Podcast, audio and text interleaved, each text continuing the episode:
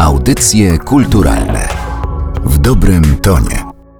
Przy mikrofonie Aleksandra Galant rozpoczynamy kolejne spotkanie w audycjach kulturalnych. Dziś dotyczyć będzie ono literatury dziecięcej, a to wszystko z powodu Międzynarodowego Dnia Książki dla Dzieci, który już co prawda jest za nami, niemniej święto to było niedawno i myślę, że jest dobrym punktem wyjścia do rozmowy na temat literatury dziecięcej, a właściwie do rozmowy o tym, co sprawia, że książka odnosi sukces, co w moim rozumieniu oznacza zainteresowanie dziecka. No jak wszyscy wiemy, dzieci mają bardzo dużo bodźców, bardzo dużo rozrywek, bardzo dużo zabawek, więc co sprawia, że akurat przy tej książce, przy tej książeczce będzie chciało się zatrzymać. I właśnie o tym opowie Marianna Oklejak, ilustratorka i twórczyni książek dla dzieci, która przyjęła zaproszenie do dzisiejszego spotkania. Dzień dobry Państwu. To ja ponowię moje pytanie, bo tak naprawdę to jest to, co zaczęło mnie zastanawiać najbardziej. Czy jest jakiś klucz do sukcesu? Coś, co decyduje o tym, czy książka dla dzieci zdobędzie ich zainteresowanie, że będzie po prostu tą dobrą książką, która trafi w gusta zarówno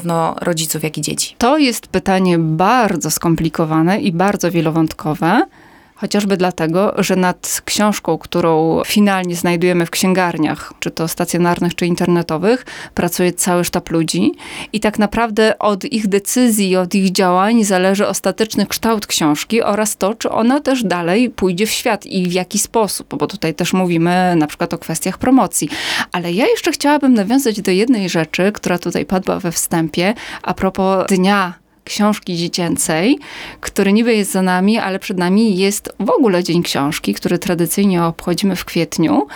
I może to jest też fajna okazja, żeby napomnieć o czymś, co mnie osobiście bardzo leży na sercu, czyli żeby tak bardzo nie rozdzielać książki dla dzieci i dla dorosłych. Oczywiście, że to muszą być innego typu publikacje, bo dzieci i dorośli mają różne zapotrzebowania, ale to jest taki mój kamyczek w sprawie tego, żeby książkę dziecięcą traktować poważnie. Przyznam pani, że zanim się spotkałyśmy razem z koleżankami i kolegami z redakcji, zastanawialiśmy się nad tymi książkami dla dzieci i wszyscy zgodnie stwierdziliśmy, że jest tutaj cienka granica między tym, że książka jest dostosowana do wieku dziecka, a tym, że jest taka naiwna, taka trochę pobłażliwa. I mam wrażenie, że właśnie to poważne traktowanie książek i literatury dziecięcej oznacza, że takich naiwnych publikacji raczej unikamy. No oczywiście bywają też publikacje zupełnie naiwne. Myślę, że to się wiąże właśnie z tym, jakie mamy wyobrażenie na temat y, dzieci, na temat tego, czego one potrzebują.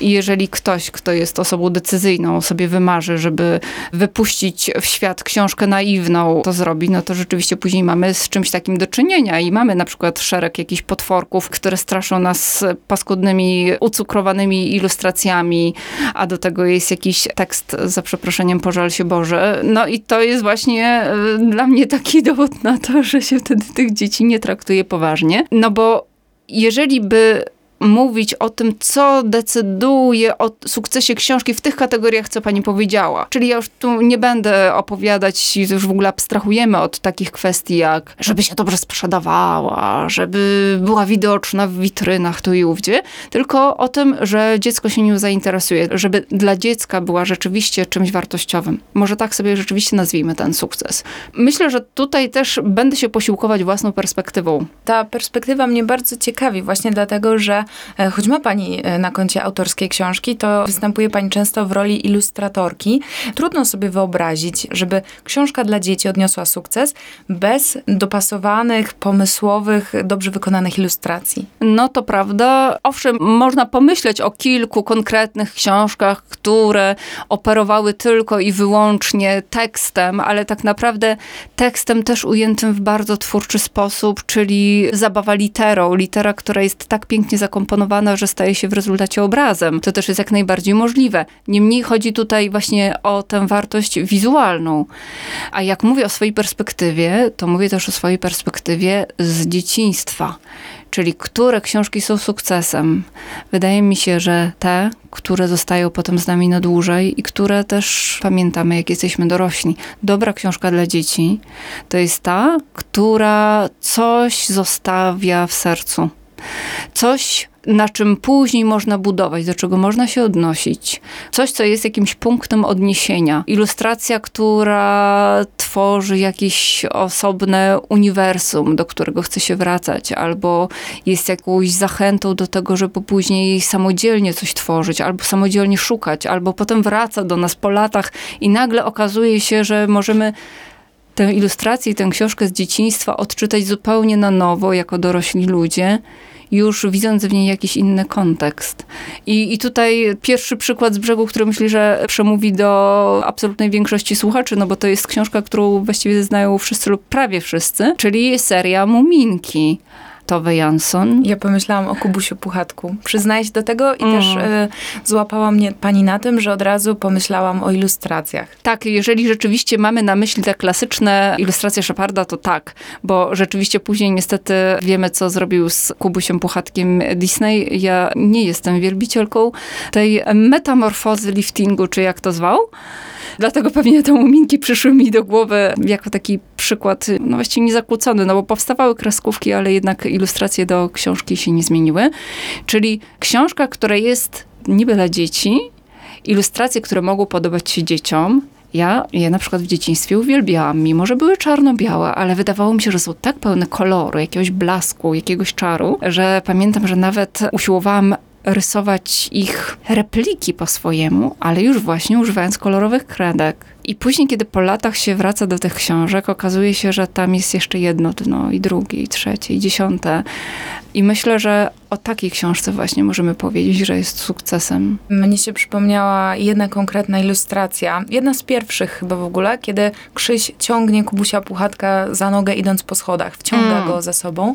Ale przerwałam pani wątek muminków, bo wydaje mi się, że wszystko to, co pani powiedziała przed chwilą, też bardzo dobrze pasuje do tego, że Czasem chyba wszyscy zastanawialiśmy się, czytając, oglądając później muminki, czy to na pewno jest kierowane do dzieci. Tak, to prawda. Akurat jeżeli miałabym mówić o muminkach, to jest to książka taka dosyć uniwersalna wiekowo. Myślę, że jako dziecko wielu rzeczy z tego nie rozumiałam, albo po prostu widziałam to inaczej.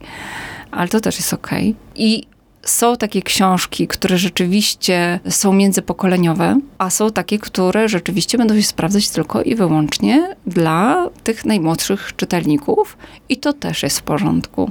Dlatego, że każdy wiek potrzebuje swojej literatury. Tylko faktycznie trzeba umieć wyczuć właśnie tę granicę pomiędzy tym, co jest, tak jak trochę rozmawiałyśmy, co jest naiwne, a co jest dostosowane do wieku dziecka. Jednak zawsze tym kluczem jest to, czy traktujemy dziecko poważnie. A jak mówię też, że traktujemy dziecko, to nie chcę tego mówić tak ex cathedra z pozycji pedagoga, bo nim nie jestem. Tylko mówiąc dziecko, mam na myśli szereg rozmaitych cech czy jakichś wartości, które kojarzą się z byciem dzieckiem. Czyli na przykład jakąś taką ogromną jakąś szczerość, chłonność, spontaniczność reakcji, wrażliwość emocjonalną, skłonność do tego, żeby wszystko odbierać tak zupełnie naprawdę serio takim, jakim jest, bez jakichś podejrzeń, w zaufaniu. Też e, skłonność do zupełnie nieskrępowanej zabawy. To jest pytanie, na ile poważnie traktujemy właśnie te jakości.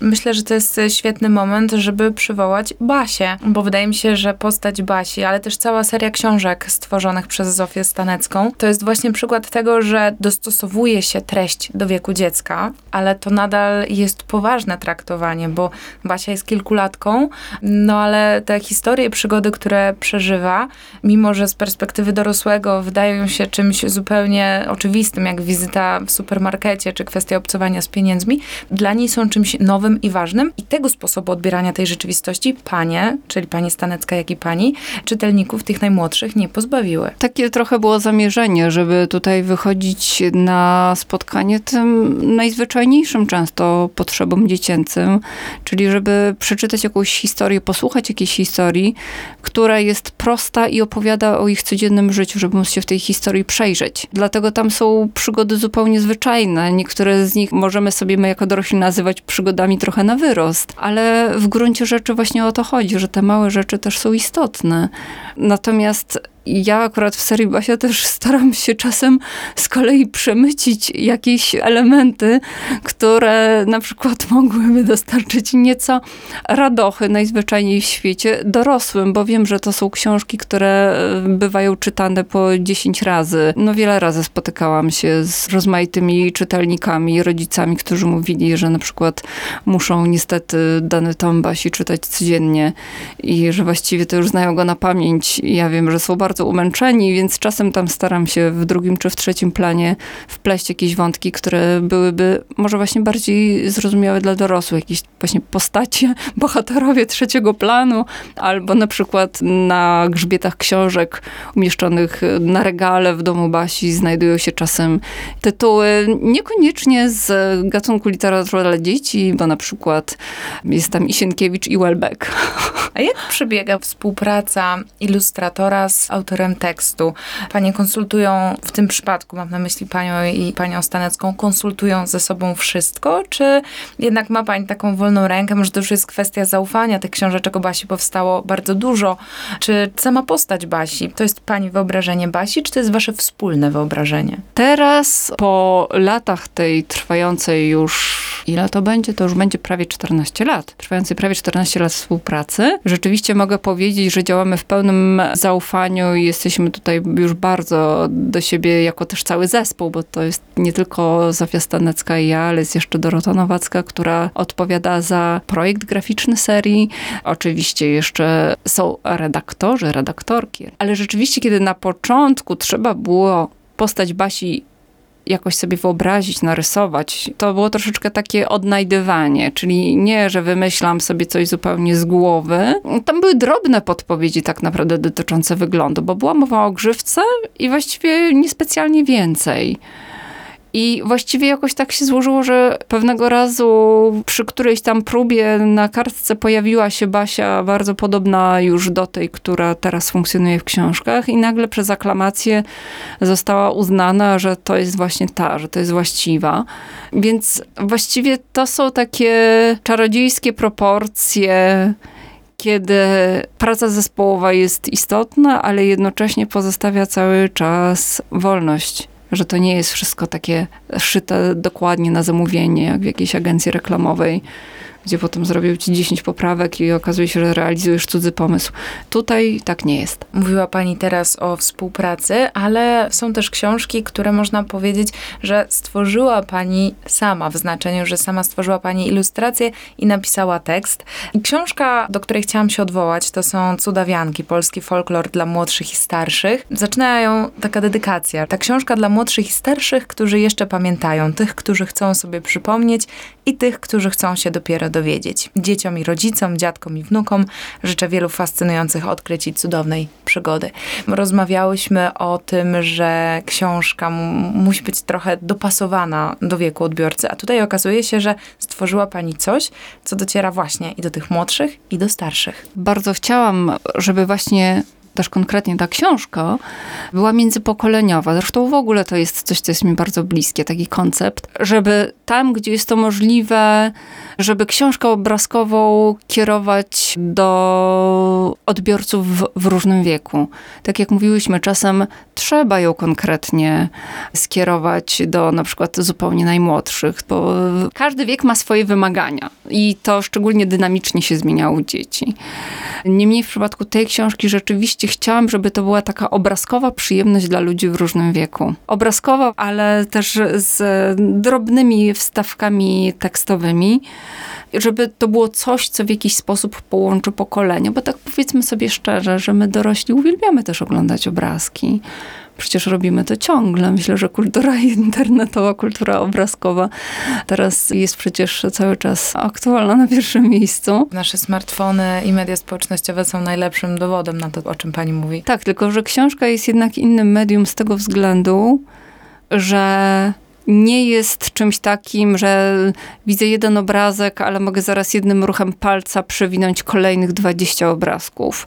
Tych obrazków w książce jest o wiele mniej i one jednak wymagają jakiejś uważności, ale też może ewentualnie, może się łudzę, mogą mieć potencjał zatrzymania na dłużej. Na pewno akurat tę konkretnie książkę Cudawianki, która jest poświęcona folklorowi, tak starałam się skonstruować, żeby rzeczywiście oglądając, żeby mogli sobie się nad tym zatrzymać na jakiś dłuższy czas, czyli jest tam dużo szczegółów do oglądania, dużo takich niespodzianek, o których ja mówię, że nagradzają tych, którzy są skłonni poświęcić książce trochę więcej czasu, bo rzeczywiście też bardzo nie lubię czegoś takiego, co niestety jest obecne cały czas na rynku książek, czyli takiego ogromnego pośpiechu, kiedy wypuszczane są coraz to nowe książki, ciągle są jakieś nowości. Rezultat jest taki, że trudno nam się skupić na tym, co aktualnie jest na tej książce, którą mamy przed sobą, bo coś, co było nowością dwa miesiące temu,